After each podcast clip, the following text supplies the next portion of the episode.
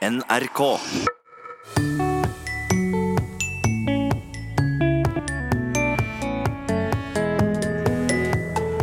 Kjem du med en påstand?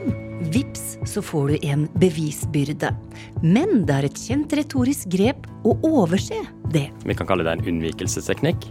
Og den typiske funksjonen det har, det er at en vil unngå å legge fram argumentasjon fordi han egentlig ikke er så gode argument for eh, påstanden sin. Og alarmen går for hallingdialekta. Et eget redningsmannskap skal snu utviklinga med at de unge velger bort dialekt. Jeg ønsker å inspirere andre til å bruke den flotte uh, dialekta vi har. Vel møtt til Språkteigen.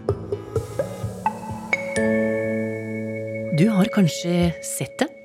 En post på Facebook hvor noen skriver et eller annet som en mener, og du kaster deg inn i debatten.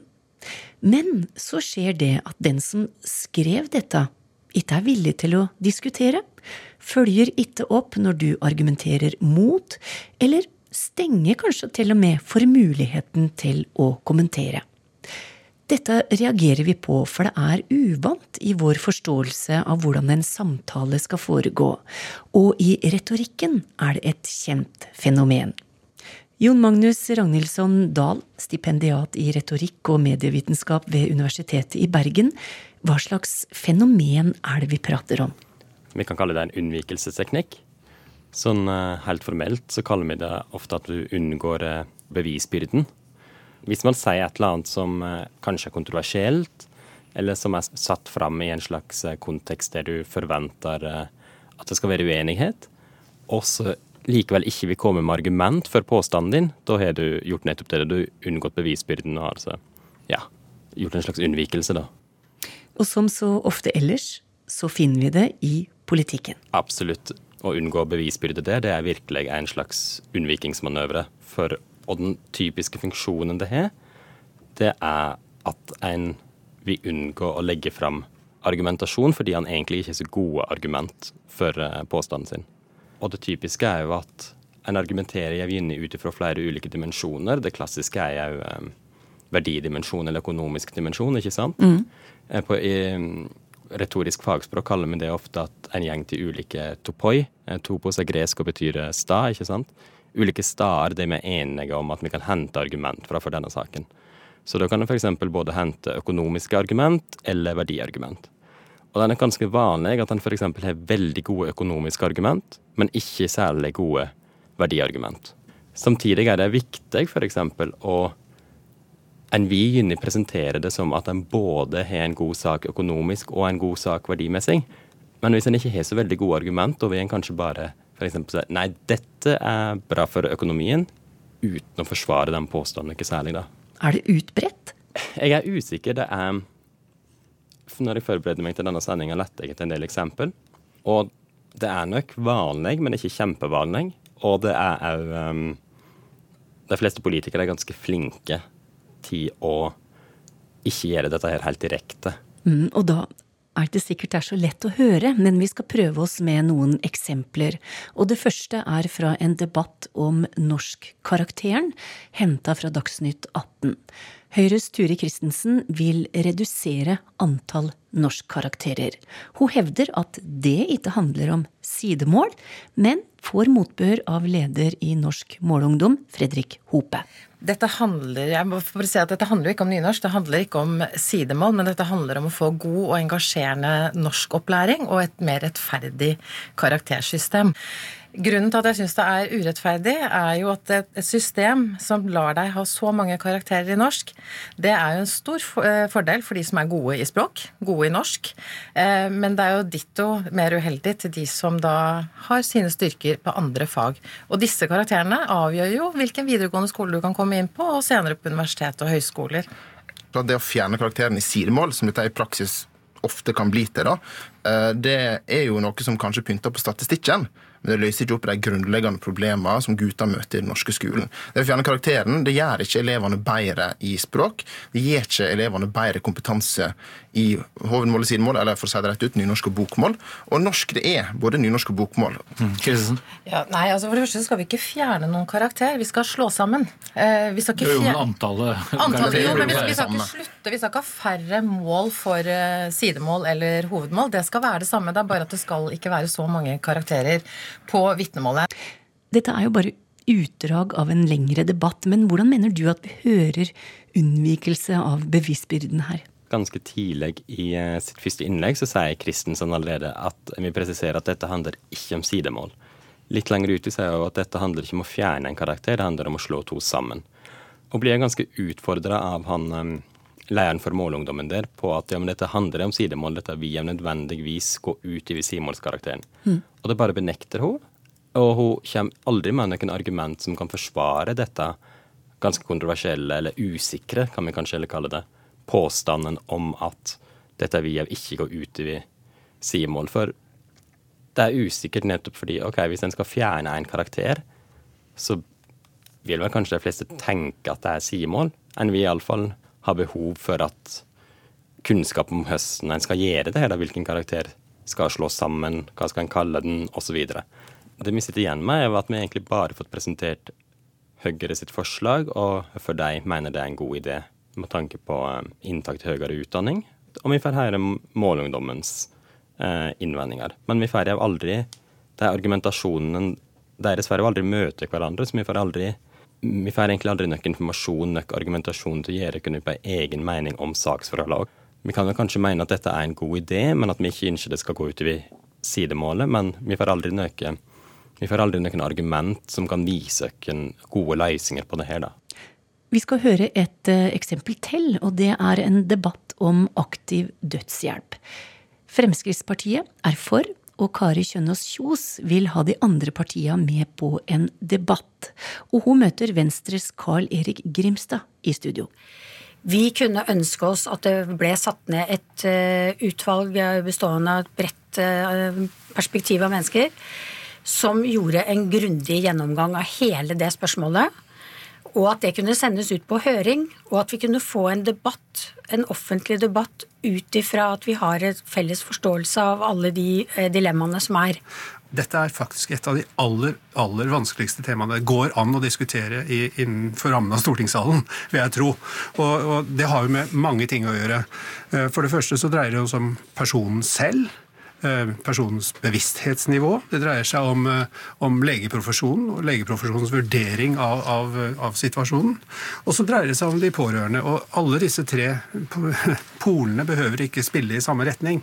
Og, og hvem er det som skal ta det avgjørende eh, grepet i den situasjonen? Nå, nå stiller han en rekke spørsmål, og det er grunnen til at jeg sier at sånn har vi holdt på i årevis. Hver gang dette skal debatteres, så kommer de spørsmålene. Ja, hvem skal bestemme, hvilken aldersgrense, alt det. Tenk hvordan debatten kunne gått hvis vi faktisk hadde et grunnlag sammen å diskutere rundt, hvor det lå noen stolper.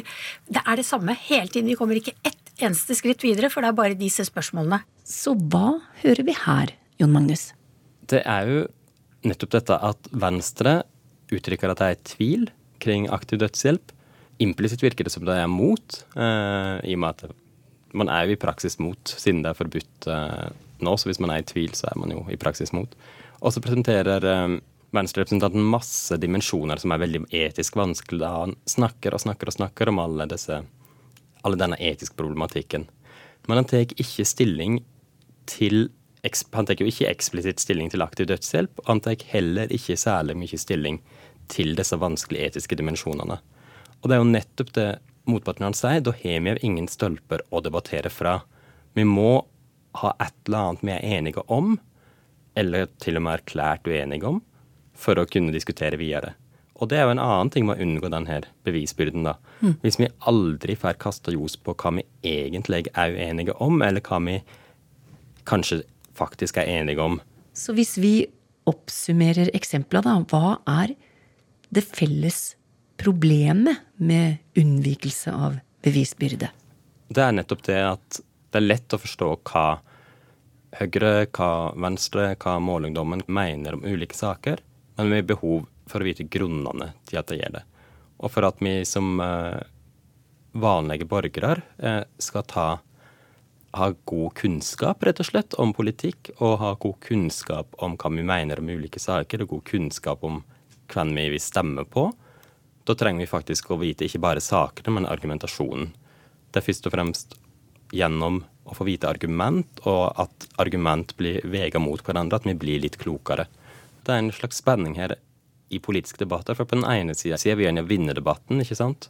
Og derfor velger en kanskje vekk denne typen argument, eller denne typen topoi, om en vil, eh, der en vet en der en vet en er svakere. Så igjen, det er forståelig at det blir slik, men hvis det blir slik i veldig stor grad, eller mm, om det blir slik konsekvent på visse perspektiver eller visse områder av politikken f.eks., da er det veldig uheldig. Mm. Men hvis vi forlater politikken da, og går til noe som er litt mer harmløst, men der vi òg opplever samme fenomen, nemlig på Facebook. Noen poster en ytring som kanskje òg er litt kontroversiell, men så vil de ikke stå i diskusjonen, lar være å svare på motargumenter, eller rett og slett stenger for dem. Men sjøl der får vi en bevisbyrde på oss, mener du? Ja, altså Vi har jo det eh, rent sånn eh, pragmatisk, fordi når du deltar i en diskusjon med, med, å poste det her, så sier man egentlig ja til at man deltar i en diskusjon, og da har du en bevisbyrde for alt det du, eh, alle påstander du legger fram. Men så er det nok dette at konteksten ikke alltid er så klar på Facebook. Så det blir rett og slett litt forvirrende, så det er ikke sikkert alle er enige om at vi åpner en diskusjon. Og det er kanskje enda tydeligere der en faktisk lager debattråder. Jeg ser den ganske ofte mm, Jeg har sett i flere språkgrupper, både inni på den Språkteigens egen Facebook-gruppe og er på det som heter mm. Språkspalter. Det er vanlig på sånne generelle diskusjonsforum for politikk òg. Og det er jo at de som har starta Facebook-tråden, avslutter diskusjonen når de ikke vil diskutere lenger.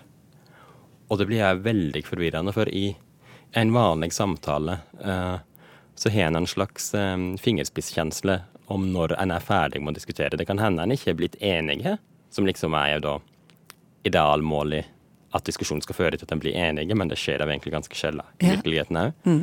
Men en har iallfall en følelse at nå er en diskusjon tom. Når det er veldig mange involvert, kanskje opptil flere hundre på en Facebook-tråd, så er det ganske tvilsomt at alle er enige i at diskusjonen er yvig idet moderatoren stenger tråden. Mm. Og da føles det som et overtramp, og da føles det òg som at han har unngått denne bevisbyrden sin, sin. med å erklære at liksom, temaet er utdømt, når en føler at det ikke er utdømt. Vi trenger flere argument. Vi er egentlig ikke enige her ennå. Men hvorfor skjønner vi dette bedre i en vanlig samtale? Det er nok fordi dette er ganske menneskelig, egentlig, at en gjør sånn on Facebook. Språket vårt, ikke sant, det er jo utvikla munnlig, først og fremst. Og det er jo de reglene som har med språkbruk å gjøre, som kalles pragmatikk, altså hvordan du faktisk bruker språket i praksis, mm -hmm. det er òg fintilpassa til en samtale. Kanskje til og med til en uh, samtale mellom bare to mennesker. Og på Facebook da blir dette litt forvirrende, for vi er veldig flinke. Vi har masse sånn taus kunnskap og implisitte ideer om hvordan en slik uh, to-til-to-samtale skal fungere. Men det fungerer ikke helt på Facebook, der vi ikke ser hverandre, der det er mange involvert, men samtidig føles kanskje som om vi bare preker med hverandre mm, ansikt til ansikt, på en måte. Så disse samtalekontekstene som vi er så vant til, som vi behersker så godt eh, ute i verden borti fra PC-skjermene, ikke sant, ja. de blir litt blanda sammen og forvirrende på Facebook. Og da har vi kanskje behov for å eh, gjøre det klart at nei, vi har ikke lyst til å diskutere. For det å diskutere det kan føles litt ubehagelig av og til. En, eh, selv om vi vet at dette egentlig handler om saken, at dette er en uenighet vi på en eller annen måte må løse, så kjenner vi kanskje ofte slik at dette er et slags personangrep på meg sjøl, og det vil jeg gjerne unngå. Men Facebook er jo litt sånn uh, uhøytidelig forum. Er det så nøye? Nei, akkurat på Facebook syns jeg ikke det er så veldig nøye. Men uh, det er interessant, for det syner det, syner det fram det ubehaget mange har med diskusjoner da, på en litt annen måte. Mm. Uh, at folk er litt redde for å være kontroversielle, det er, jo, det er jo ganske interessant på et sånt samfunnsnivå. Det sa Jon Magnus Ragnhildsson Dahl, som er stipendiat ved Universitetet i Bergen, og med i retorikkgruppa der.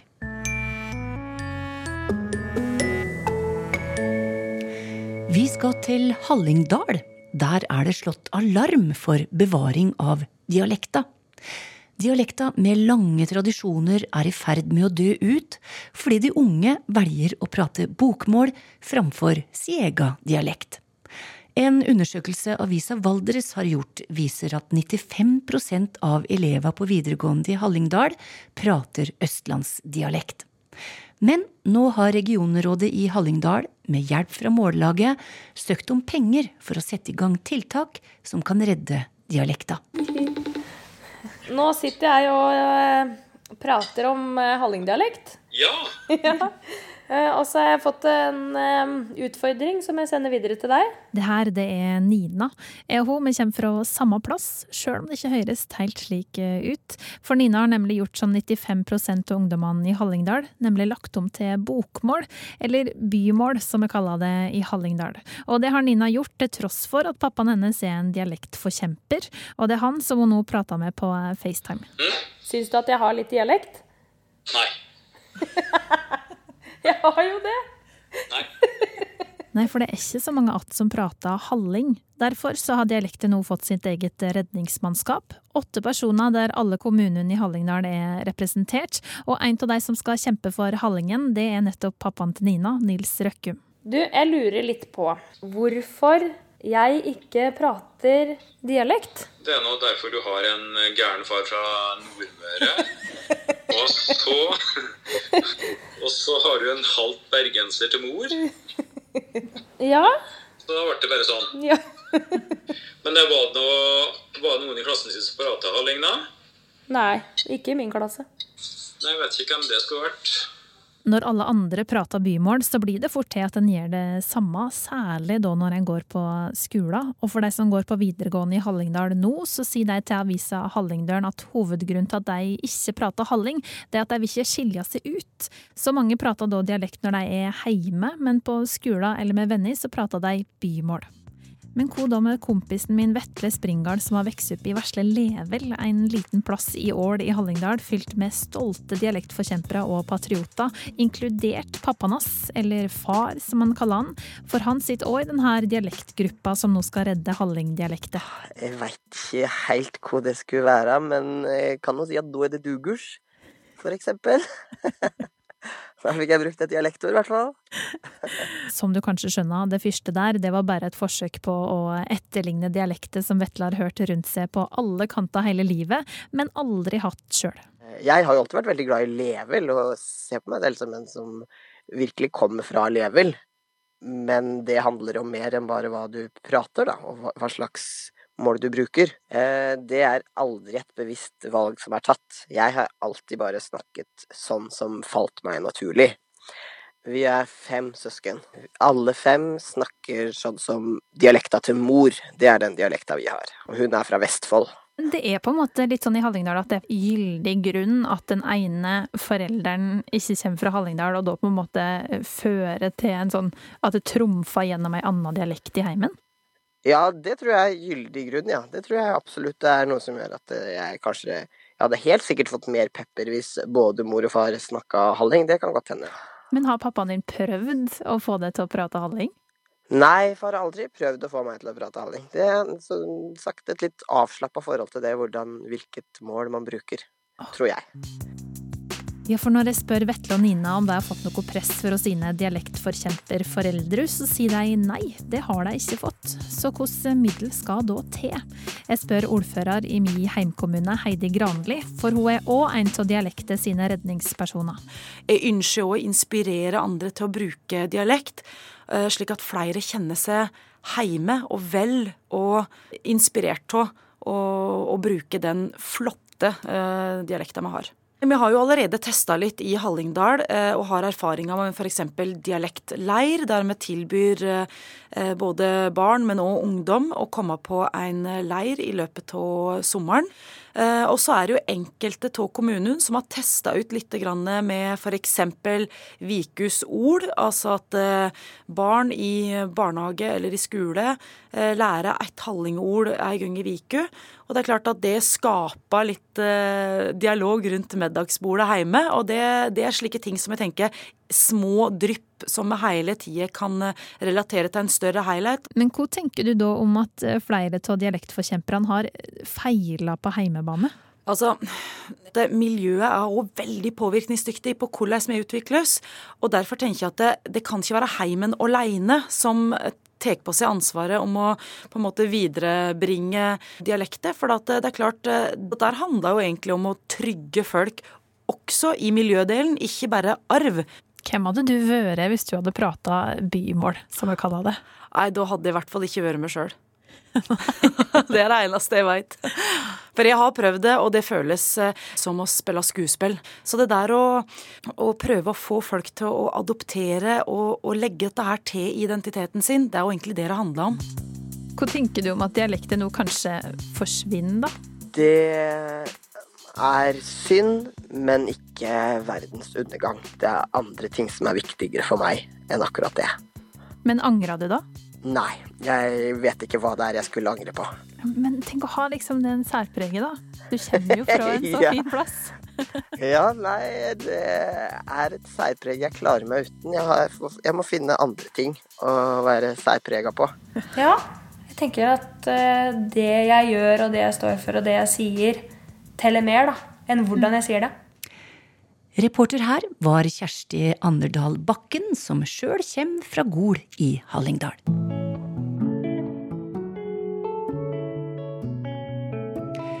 I dagens lytterspørsmål skal vi først til uttrykket å selge som hakka møkk. Det er Eilin Lindvold som spør om hvorfor det å selge bra sammenlignes med ja, hakka møkk. Var møkk mer ettertrakta tidligere, eller hva er historien bak begrepet? Og jeg spør deg, Georg Kjøll.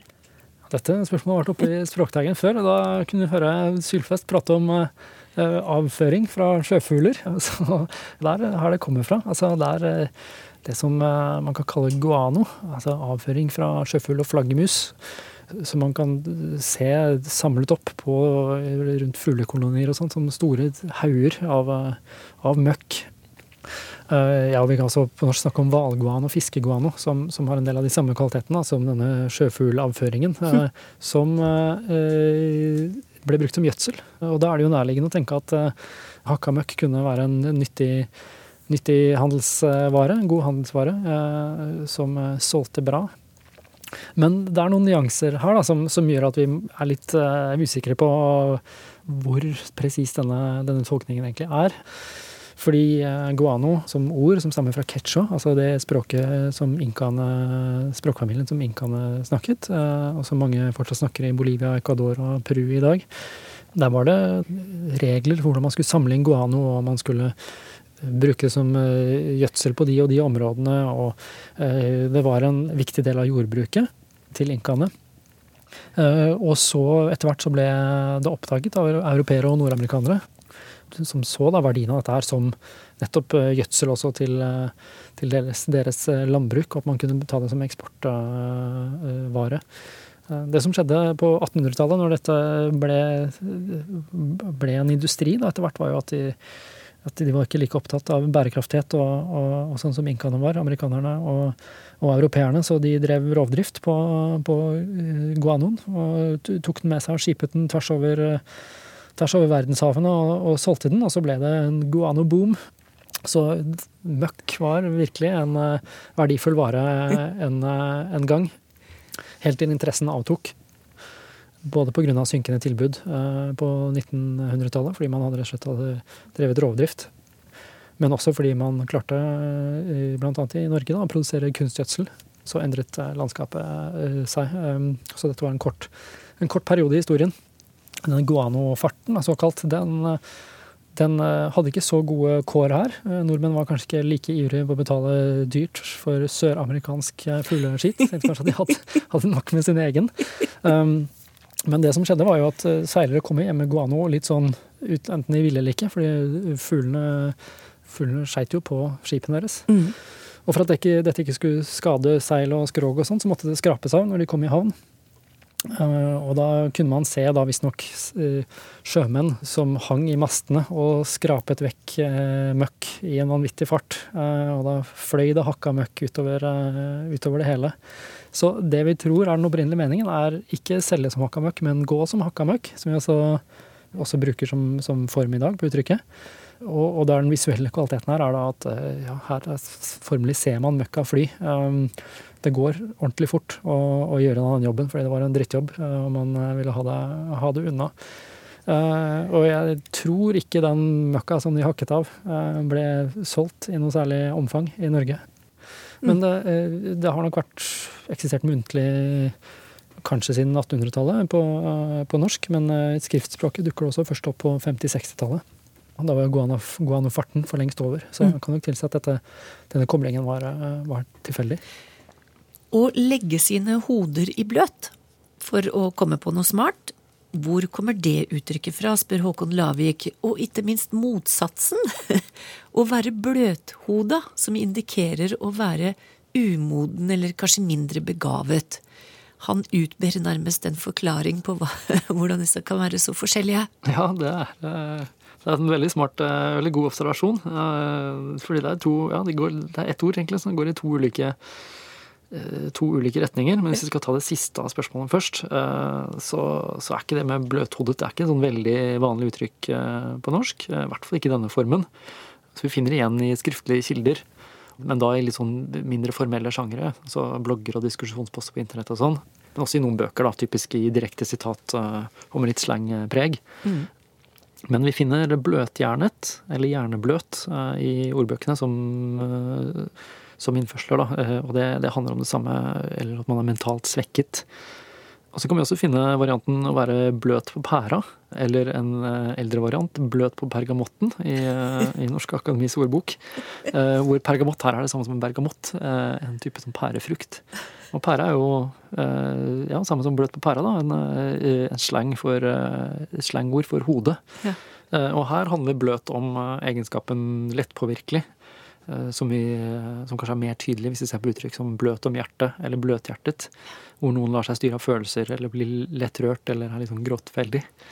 Og i eh, de fleste skriftlige treffene på bløthodet så, så brukes det nesten synonymt med bløthjertet, egentlig. Eh, så denne senilbetydningen er nok ikke så, så vanlig. Men eh, ja, hvis, altså være bløt på pergamotten. Eh, bløt på pæra er, eh, har Naob da, som mentalt svekket og sløv, så, så det, er ikke, det, er ikke, helt ute. Det, det, det er en riktig observasjon at, at, det brukes på denne måten som Håkon uh, sier. Mm -hmm. Mens legge hodet i bløt det handler om noe helt annet, egentlig. Det handler om at man ønsker å tenke hardt eller sette kreative prosesser i gang. Og her er, eh, her er opprinnelsen et, eh, en metafor som handler om uh, vask. Så når man putter skitne klær i bløtt, eller legger serviset i kummen med vann, varmt vann, så løser det opp skitt. Og eh, Kjell Ivar Vannebo, som, som, har skrevet mye om faste uttrykk, han viser til eksempler på dette eh, og det tilsvarende, tilsvarende legge, legge, hjernen i bløt, som går tilbake til 1500-tallet. Så, så, det er historisk etablert og tett forbundet med en ganske sånn dagligdags opplevelse som vi fortsatt har i dag, da, med, med vannets rensende effekt. Og selv om det, de går i ulik retning, så, så er det mye av det samme som skjer i begge disse uttrykkene hvor du har en sånn gjenkjennbar fysisk prosess som blir grunnlaget for et språklig bilde, og så etablerer det seg. Men ene betydningen er det noe positivt, da. For det å løse opp skitt, det, det, er, jo, det, er, jo, vi, det er jo målet med handlingen å vaske klær. Mens ting som blir eh, bløtt, altså type frukt, eh, det er jo forbundet med forråtnelse. forråtnelse. Ja. Og da er det de negative assosiasjonene vi har til det, som, som blir lagt til grunn da, for den, den, andre varianten. Mm. Takk til deg, Georg Kjøll, har du spørsmål, så send dem til teigen krøllalfa nrk.no. Vi høres om ei uke. Ha det bra.